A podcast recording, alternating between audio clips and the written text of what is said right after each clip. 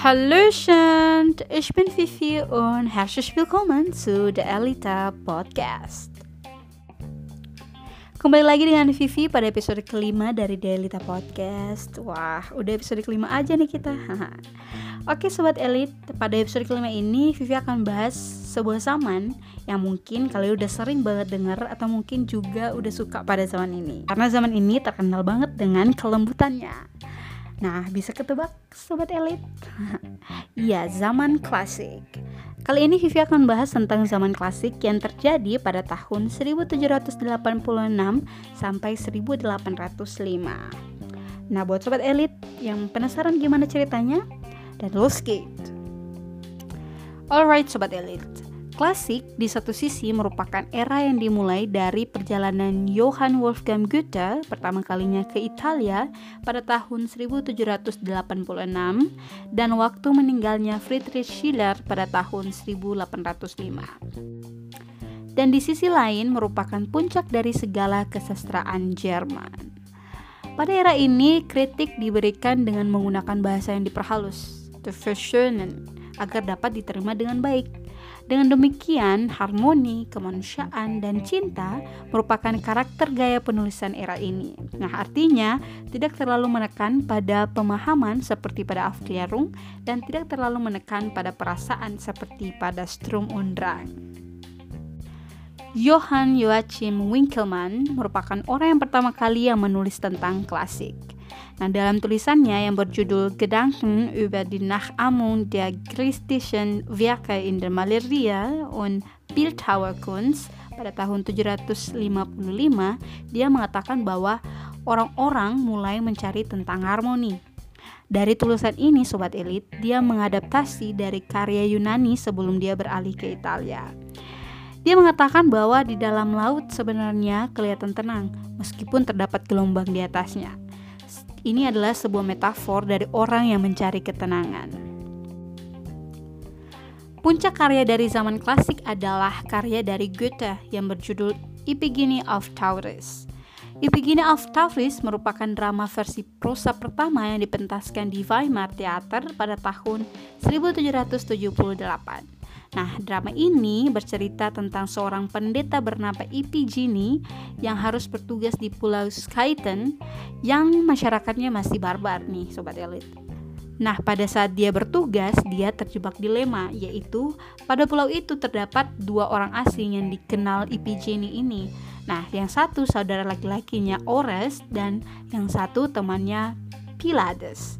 Nah, dilema yang dihadapi adalah antara dia harus memilih untuk mengikuti peraturan negeri tersebut yang mana bila mana terdapat orang asing yang menginjak negeri mereka harus dibunuh atau kerinduannya untuk kembali ke kampung halamannya. Nah, akhirnya dia mencari jalan keluar dengan menggunakan sisi kemanusiaan dan mematahkan peraturan para dewa. Dia membuktikan bahwa keselamatan bukan dibawa oleh para dewa, melainkan oleh rasa kemanusiaan. Bahkan, Thor tidak bisa lagi menghindari sikap yang ditunjukkan Ipigini dan membiarkan mereka kembali pulang ke tempat asalnya dengan selamat. Nah, sobat elit, selain Ipigini of Tauris, ada juga drama yang ditulis Goethe, yaitu Torquato Tasso, versi pertama. Nah, Goethe menyelesaikan drama ini di Weimar pada Juni 1789. Nah, Tasso merupakan seorang tokoh sejarah pengadilan pangeran di Ferrara pada abad ke-16. Nah, Tasso ini dikritik oleh seorang kritikus dan dibandingkan dengan Werther. Kemudian Goethe menulis sebuah siklus yang terdiri dari 20 puisi yang berjudul Römische Elegien, yaitu sebuah nyanyian kesedihan. Nah, tulisan ini muncul setelah perjalanannya.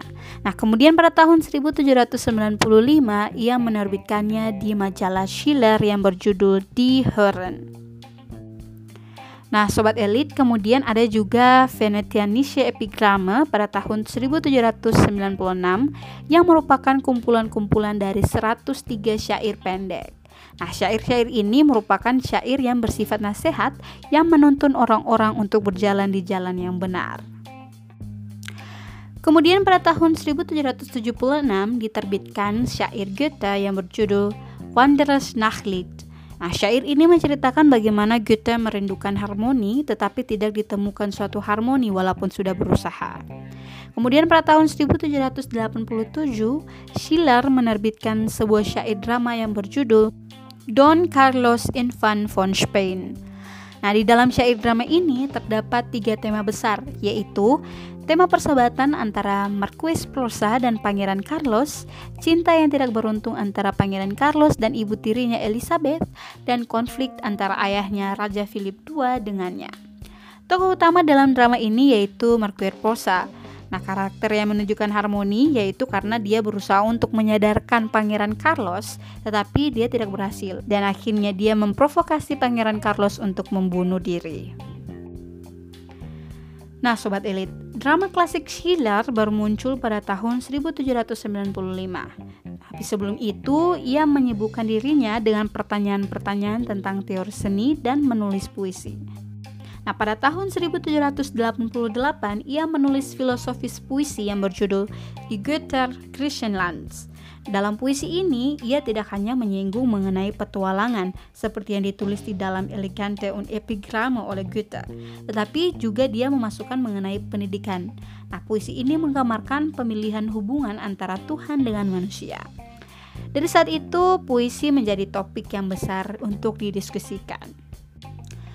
Pada tahun 1788, Schiller menerbitkan puisi yang berjudul Die Künstler yang berisikan 33 bagian potongan lirik yang tidak sesuai.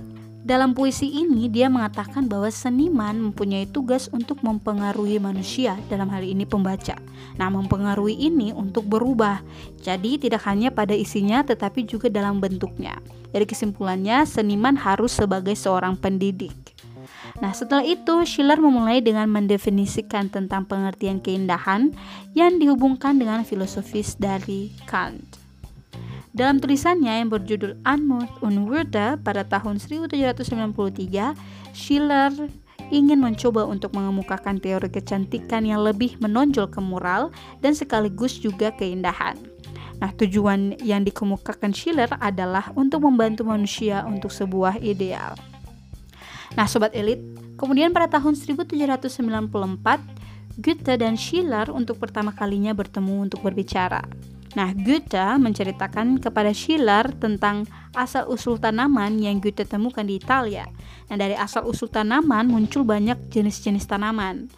Nah, kemudian diterbitkanlah di Metamorphose der Pflanze di Musen Almanach pada tahun 1795.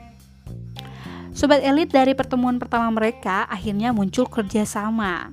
Nah, dimulai dari Schiller mendirikan sebuah majalah baru yang berjudul Ankündigung der Hören. Di dalam majalah ini yang juga dikenang oleh orang sebagai prinsip dasar hubungan persahabatan dari Goethe dan Schiller yang merupakan inti dari ajaran literatur klasik. Isi dari prinsip itu adalah keindahan tidak hanya dipengaruhi pengetahuan, tetapi juga perbuatan. Namun majalah Die Hören tidak sesukses yang mereka harapkan. Dan pada tahun 1797 Schiller dan Goethe memutuskan untuk menjadi hakim bagi penulis yang lain dan memberikan kritik atas karya mereka. Nah, kemudian pada tahun yang sama F. Schlegel menerbitkan majalahnya yang berjudul Athenaeum yang berisikan tentang universal puisi.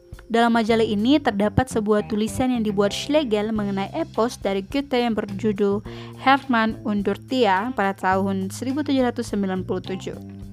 Epos ini terdiri dari sembilan nyanyian dan setiap nyanyian didedikasikan suatu keharusan. Melalui estetika teater atau drama-drama pada zaman klasik ini, orang dididik. Nah, dari pengalaman-pengalaman di dalam teater yang estetik dan penuh keindahan yang digunakan sebagai didikan atau untuk mendidik. Nah, sobat elit, sementara Goethe bekerja di Wilhelm Meister, Schiller kesusahan dalam menerbitkan Die Herren, dan dia menerima kewajiban sebagai profesor filosofi pada Universitas Jena. Pada awal 1800, dia menerbitkan kembali sebuah drama yang berjudul Wallenstein – Latar drama ini adalah seorang jenderal bernama Wallenstein. Di tahun yang sama, dia mengeluarkan drama sejarah atau historisis drama yang berjudul Maria Stuart. Nah, dalam drama ini sobat elit, Schiller mendramatisir nasib dari seorang ratu bernama Maria Stuart. Ceritanya adalah Maria dipenjarakan selama bertahun-tahun karena perintah dari Ratu Elizabeth. Namun menurutnya secara fisik dia ditangkap, namun secara moral dia menganggap sebagai sebuah kemenangan.